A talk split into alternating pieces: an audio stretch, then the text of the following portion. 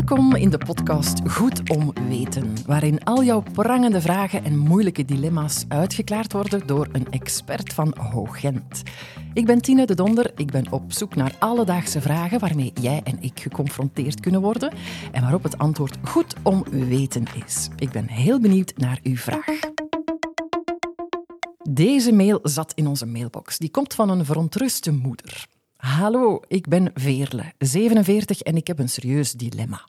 Mijn dochter van 16 die geeft een verjaardagsfeestje, een Sweet 16, en ze wil daar graag een fles tequila voorzien. Ik ben niet akkoord, maar zij beweert dat andere ouders wel drank toelaten op hun Sweet 16 parties en blijkbaar dat sommige ouders zelfs zelf de drank voorzien. Klopt dat? Is dat echt gebruikelijk? Dat lijkt mij toch geen goed idee.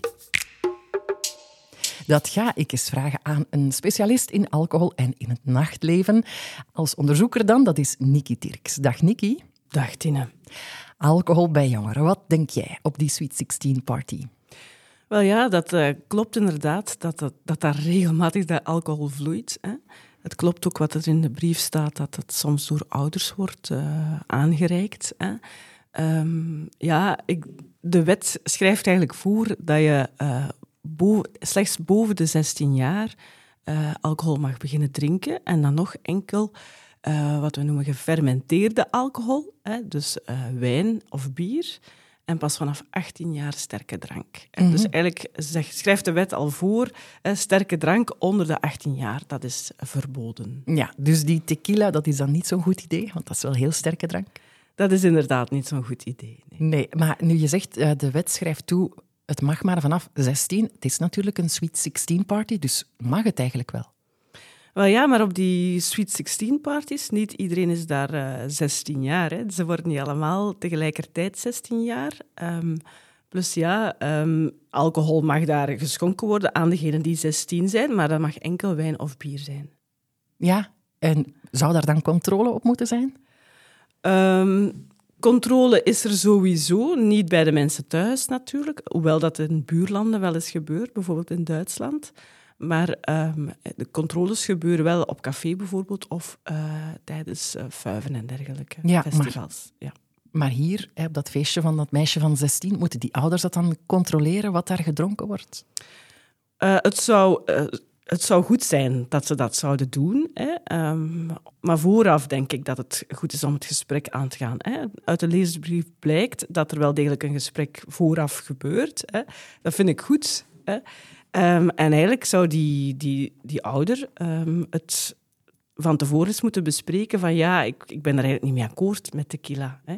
Vanaf 16 mag je wel een pintje drinken of een wijntje, een rozeetje, maar laat de tequila achterwege. Uh, het gesprek aangaan met de jongeren, ik denk dat dat al een hele goeie is. Mm -hmm. ja. Natuurlijk, je wil niet uh, de allerstrengste ouder zijn.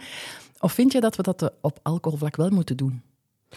Wel, um, wat aan me opvalt, is dat heel veel ouders handelingsonzeker zijn. Hè? Dus dat ze niet goed weten wat ze moeten doen met die alcohol. Wat dat ze kunnen toelaten en wat ze niet kunnen toelaten. Hè?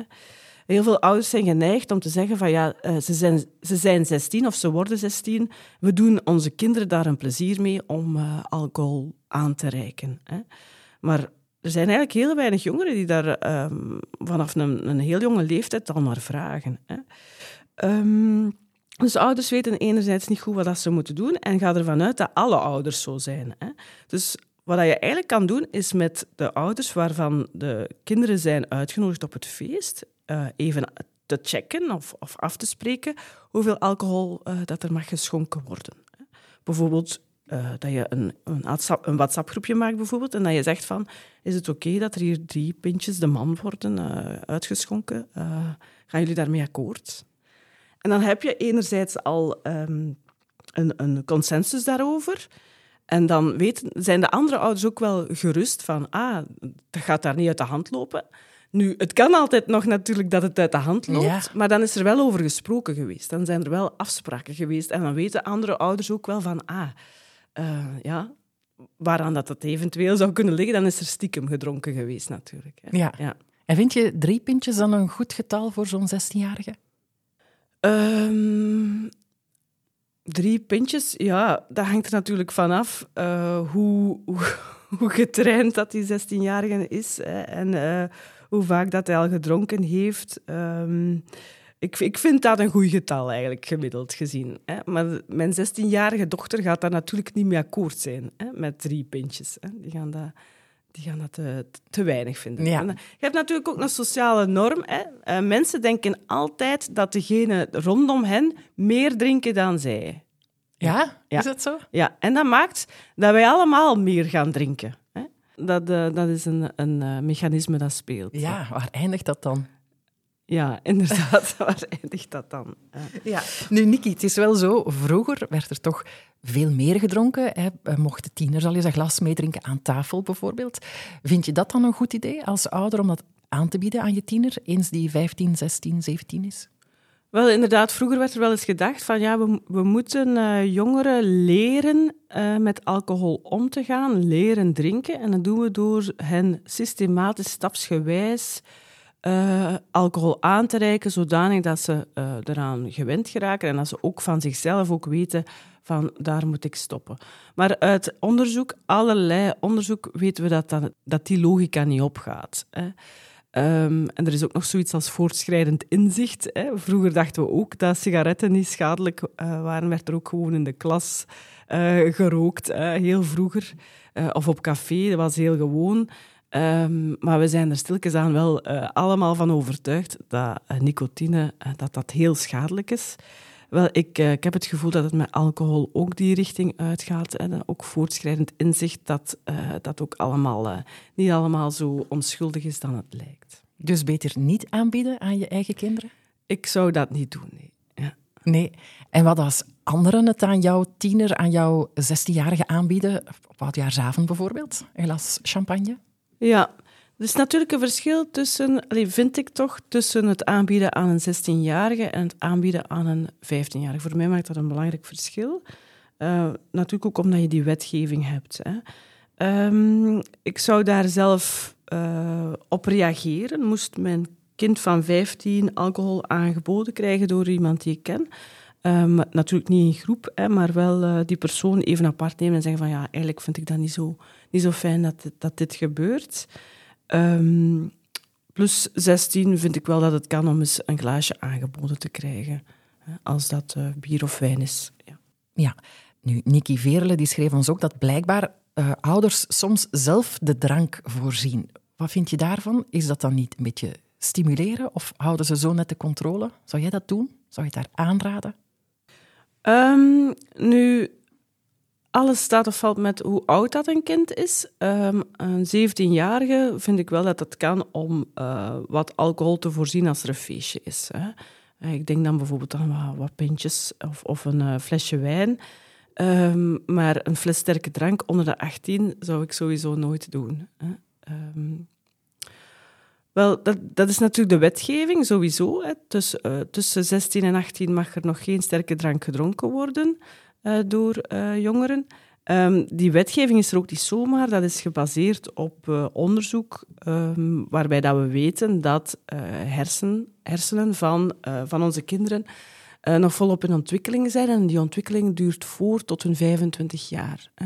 En wat we zien is als er alcohol in het spel is, dat zowel de structuur als de werking van de hersenen daar schade aan ondervindt. Eh, wat zich bijvoorbeeld resulteert in eh, problemen met korte termijn geheugen. En is het dan verstandig van Veerle bijvoorbeeld om dat aan haar tiener uit te leggen van daarom wil ik niet dat jij drinkt? Het is altijd heel verstandig om het gesprek aan te gaan en om uit te leggen waarom eh, dat iets niet kan. Hè. Wat ik ook een belangrijke vind, is dat je de tiener zelf verantwoordelijk maakt voor het feestje. Hè. Eh, wat je ziet is dat jongeren, als ze een feestje geven, dat ze, dat, dat ze nog altijd wel wat eh, eh, verwachten dat de ouder eh, alles in goede banen leidt. Maar je kan ook tegen je tiener zeggen van kijk, dat is jouw feestje. Jij gaat nu zorgen dat eh, degene, de mensen die je hebt uitgenodigd, dat die allemaal zich goed in hun vel voelen.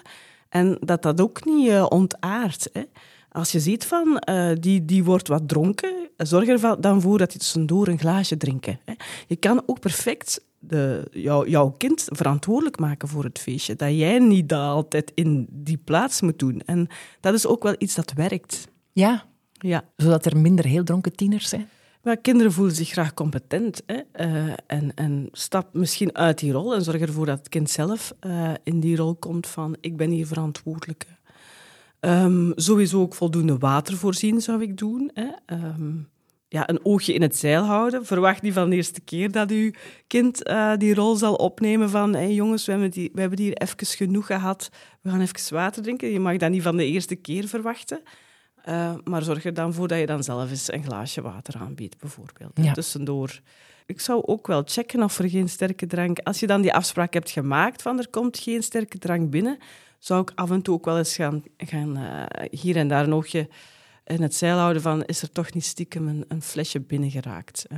Mm -hmm. En zelf ook het goede voorbeeld geven op zo'n Sweet 16 feestje? Absoluut. Hè? Zelf het goede voorbeeld geven. Uh, want uh, wat, wat blijkt uit onderzoek is dat uh, ouders een zeer belangrijke rol hebben wat, wat betreft alcoholgebruik van hun kind. Um, dat is ten eerste in het stellen van regels en afspraken, het aangaan van gesprekken maar ook een, uh, het zijn van een rolmodel. Um, hoe ouders zelf omgaan met alcohol, hoeveel alcohol ze zelf drinken en hoe, hoe frequent en wat voor alcohol. Um, dat heeft een heel belangrijke impact op, uh, op het alcoholgebruik van de kinderen. Ja, vooral bij tieners of ook bij kleinere kinderen? Dat gebeurt al van heel, heel klein. Hè. Uh, ja, vanaf eigenlijk dat ze dat ze kunnen zien wat hun ouders doen en hoe ze zich gedragen, heeft dat al een effect. Mm -hmm, Oké, okay. ja. dus zien drinken doet drinken, zeggen ze wel eens? Absoluut, zien drinken doet drinken, ja. ja. En het heeft niet alleen te maken met wat de ouders doen, maar ook bijvoorbeeld in welke... Uh, hoe vaak de ouders zich begeven, bijvoorbeeld bij mensen die, die alcohol drinken. Hè. Ik geef het voorbeeld van uw kinderen doen bijvoorbeeld voetbal hè, en ze zitten uh, wekelijks in de voetbalkantine met andere ouders. Jij drinkt bijvoorbeeld nooit alcohol, maar de andere ouders wel. Zelfs dat heeft een effect op, uh, op je kind als, als rolmodel, okay. maar zeggen. Wat we ook weten is dat uh, ouders vooral strenger zijn bij meisjes uh, en dat de, de, het voeren, invoeren van regels dat dat een beetje verslapt naar gelang dat jongens ouder worden.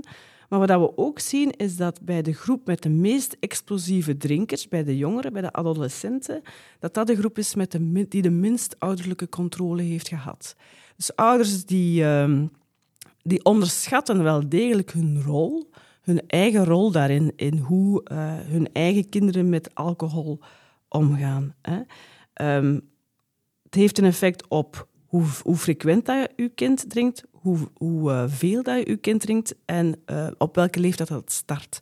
We weten bijvoorbeeld ook dat per jaar dat een kind later start met alcohol drinken, dat het ook 14% minder gezondheidsproblemen heeft. Uh, en ook wanneer kinderen vroeg, des te vroeger dat kinderen starten met alcohol, des te vaker zijn er problemen met alcohol op latere leeftijd.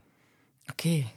Wat ik wel belangrijk vind is om uh, mee te geven, is je moet niet uh, gaan problematiseren, wel gaan responsabiliseren. Hè? Dus maak uw kind verantwoordelijk voor uh, zijn eigen alcoholgebruik, het al alcoholgebruik van zijn vrienden op het feestje waar ze zijn uitgenodigd, hè? in plaats van zomaar in het wilde weg dingen te gaan verbieden. Je mag wel regels en afspraken maken, maar leg dan uit waarom. Ja, oké. Dus tot slot, Nikki, wat raad je nu Veerle, deze mama, aan over dat feestje? De fles tequila, die mag alvast niet komen? Inderdaad, hè. ik zou sowieso uh, het gesprek aangaan en uitleggen waarom tequila geen goed idee is. Ik zou um, uitleggen waarom die afspraken nodig zijn. En ik zou ook uh, het kind zelf responsabiliseren, dus verantwoordelijk maken voor hoe het feest verloopt. Perfect. Dankjewel, Nikki Dirks. Graag gedaan. Er valt nog heel wat te vertellen hierover. En als jij daar meer wil over weten, dan raad ik je van harte onze website aan. Dat is hoogent.be slash goed om weten. Dit was een podcast van Hoogent. Elke maand beantwoordt een expert een vraag van een luisteraar. Zit jij zelf met een probleem of zoek je advies? Mail ons dan op goedomweten.hogent.be en wie weet leggen we jouw vraag dan voor aan een van onze specialisten. Heel graag tot de volgende keer.